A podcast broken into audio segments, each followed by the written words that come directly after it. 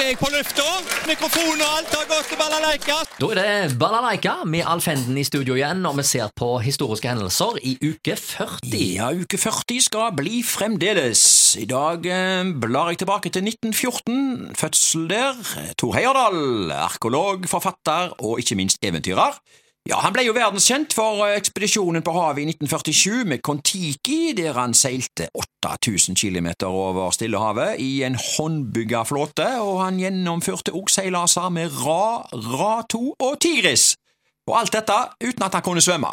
Ja. Det blir sagt. Han Ja. kunne ikke svømme. Nei. Ja. Men det trengte han Var det noe du fant på, kanskje? Eller? Nei, eh, pff, jeg, ja, Men han hadde vel på seg redningsvest, da? Redningsvest, du. Eh, Det tror Nei. jeg ikke var oppfunnet på den tida der. Nei, var det ikke det? Nei, jeg har, det, de, er klippen jeg har sett av han. Ja, ja. eh, Jeg er jo i svart-hvitt-TV uh, og, eh, og svart-hvitt film, holdt på å si, og der var han i bar overkropp.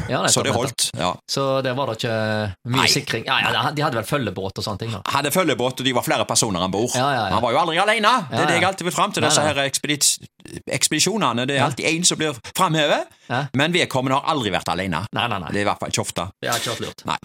Eh, vi tar en fødsel i 1943 Det er jo de som har gått alene over Grønland og Ja, sånne ting. ja, jo, jo det er ikke alle som har Jeg- overlevd det jeg- heller. Ja, ja, jeg, jeg, jeg, jeg må ta meg inn igjen der, altså, fordi at det er klart det er noen som har gjort ting alene. Ja, ja, ja. Det, det, Lars Monsen gjør vel stort sett alt alene, for eksempel. Ja, ja. Men altså, det er jo litt uh, tryggere da omgivelser. Ja, ja, ja, ja.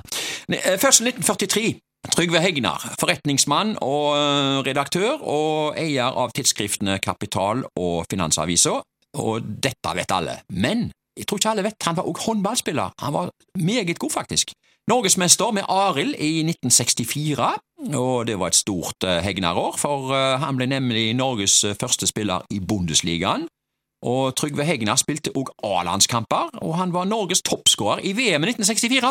Å ja. Det er ikke alle som vet dette om Trygve Hegnar. Nettopp. Han kunne kaste ball, altså. Oh, ja, se det. Ja, han har det. Han har tatt hys. Ja. Tatt is, han har tatt hys. Ja, ja. Født i 1943, har ikke tenkt å pensjonere seg med det første. Uh, og jeg tror han anbefaler folk å være milliardær. Mm. Jeg tror han anbefaler flere å være det, altså. Ja. Ja, ja, ja, det Ja, ja. er kjekkere det. Um, må får spørre en av de 444 nye det, det, så, det såpass, ja? Det er såpass mange milliardærer i Norge, ja. Okay. Ja. Um, hendelser internasjonalt, uh, det vil si norsk i dag. Eh, 1875, den første trikketuren i Oslo. Men den mest berømte trikketuren var nok nesten 100 år senere, nemlig kong Olav 1973, Mm. på, til Holmenkollen i trikk. I trikk, ja. Ja, ja, den, er, den er jo eh, var det legendarisk bilde. Var, jo- det var jo under oljestreiken. Det var flere som spurte han da om Ja. Eh, liksom, eh, han ikke var redd for eh, at noen skulle ta han av dage, eller at det skulle skje et eller annet, men Ja. så, Han lo bare det vekk. ja, han lo. Og så Ja, ja. han trengte ikke livvakter, for han hadde jo fire millioner livvakter, og var jo det befolkningen i Norge på den tida. Ja, ja, ja. Det var godt svart. Ja, eh, 1889. Thomas Edison viser levende bilder for første gang. Den gikk fra Er det, er det Homansbyen? Mm. Ja, til Stortorvet, og ble trukket av hester. Ja, Homansbyen. Ja, ja, ja.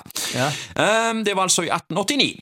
Uh, hendelser lokalt, kino i uke 40, eh, 1967 denne gangen, og når det er kinomeny på 60-tallet, så er det fort gjort. Festiviteten, filmen Hombre med Paul Newman, og på Håndverkeren gikk filmen Tobruk, film med Rock Hudson.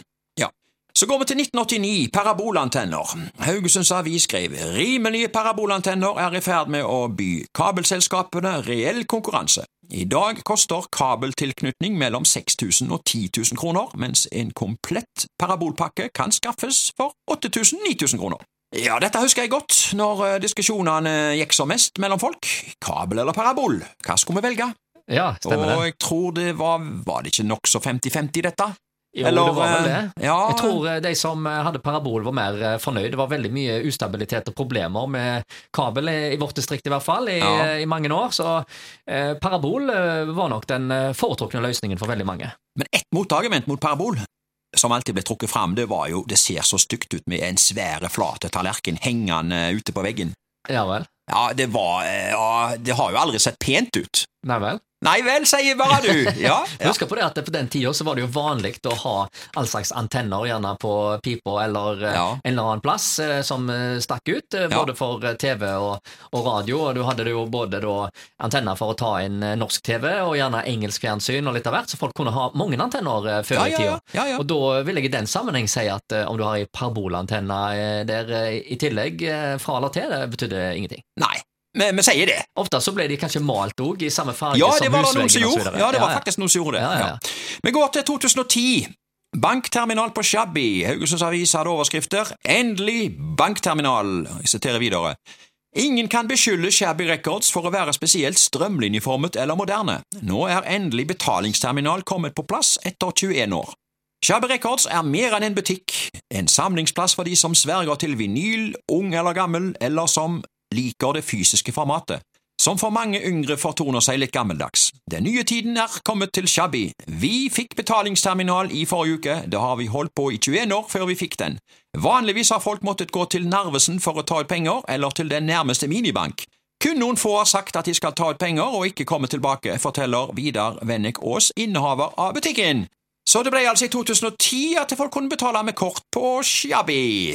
Ja um, Ja, jeg, jeg har forresten du, Apropos uh, Shabby. Uh, jeg var innom en lignende butikk i Stockholm i sommer. Oh, ja. Eh, Kjøpte du noen gamle Nei, jeg Rolling gjorde ikke det, men du verden, altså, det må jo ha vært en butikk som var faktisk talt fem ganger større enn Shabby. Oh, jeg ser det. Ja, det må det ha vært. Og det var alle mulige plater, 78 plater, og det var eh, Ja, jeg, jeg, jeg tenkte jo på Shabby med en gang jeg kom inn der, det må jeg bare Ja, si, ja, altså. Så, eh, men det er, jo, det er jo eh, en fin, god, nostalgisk følelse å gå inn på Shabby. Jeg er Mm. der egentlig litt sjeldent. Jeg vet ikke hvordan det er med deg, om du Nei, jeg eh, har ikke brydd meg så mye om eh, Nei. vinyl de siste årene, men jeg hadde jo en vanvittig eh, samling når jeg var disjockey, naturligvis. eh, Noe jeg bare eh, ga vekk til gode formål. Ja. Eh, de har jo alt der nede i alle mulige Ja, varianter. eh, Apropos shabby, jeg tror de fikk noen tusen av eh, platene mine i gave. eh. Oi, se det, du! Ja, ja, ja. Vet du hva, nå er kassettene tilbake òg. Altså, de gamle eh, de kassettene vet du, som vi måtte spole, liksom, bruke en kulepenn for å firkle, ja. ut Er eh, de tilbake nå? Ja, ja, de, ja, de, ja, er faktisk alt. De, de er på vei tilbake, de òg. Okay, okay. Ikke i det omfanget som vinylplatene, men Nei, eh, nei, de, nei, de er tilbake. Ja, ja. Hadde du kassettspiller i bilen? Jeg har, om jeg har, jeg har ikke Du har ja, Altså, jeg har kassettspiller ennå, jeg, altså. Og den virker. Jeg skal Ja. si deg det at den, eh, den eh, satte vi på. Han er fra ja, 78, tror jeg. Ja, ja. Jeg tror noe av det første jeg kjøpte på kassett eh, der, det var Boney M. Og eh, nå lot vi denne stå på ut forbi bobilen eh, i, eh, i Sverige, og, eh, og det, okay. musikken virka, alt virka. Jeg tror ingen av de beboerne på den campingplassen eh, visste at vi spilte en, den type eh. Gammel kassettspiller. Det, det som er med gamle sånne type kassetter, altså det er jo sånn metallfilm som, Ja. som ligger på dette plastbåndet, som, som da roterer over et sånt eh, magnethode eh, inne i en sånn en eh, spiller. Ganske mekanisk og enkelt prinsipp. Men problemet er jo at dette korroderer, altså på en måte ruster. Ja. Sånn at eh, hvis det er gamle kassetter, så er det ikke så godt å få noe lyd ut av det. Eh, det som ofte da kan skje, det er at eh, mye av det belegget eh, da vil legge seg igjen okay. på lydover, så det blir bare sånn graut. Ja, Så gamle kassettspillere og gamle kassetter er stort sett ikke brukende lenger. Nei, eh, det, det, det, batteriene det er jo eh, Det minste problemet, Det, må du helst ha bytta ut etter Ja. 40 år, tror jeg, Ja, altså. da er det egentlig bare én ting å spørre om. Kassettspillere! Oi. Hot or not? Ja, det er hot, Det er altså! hot.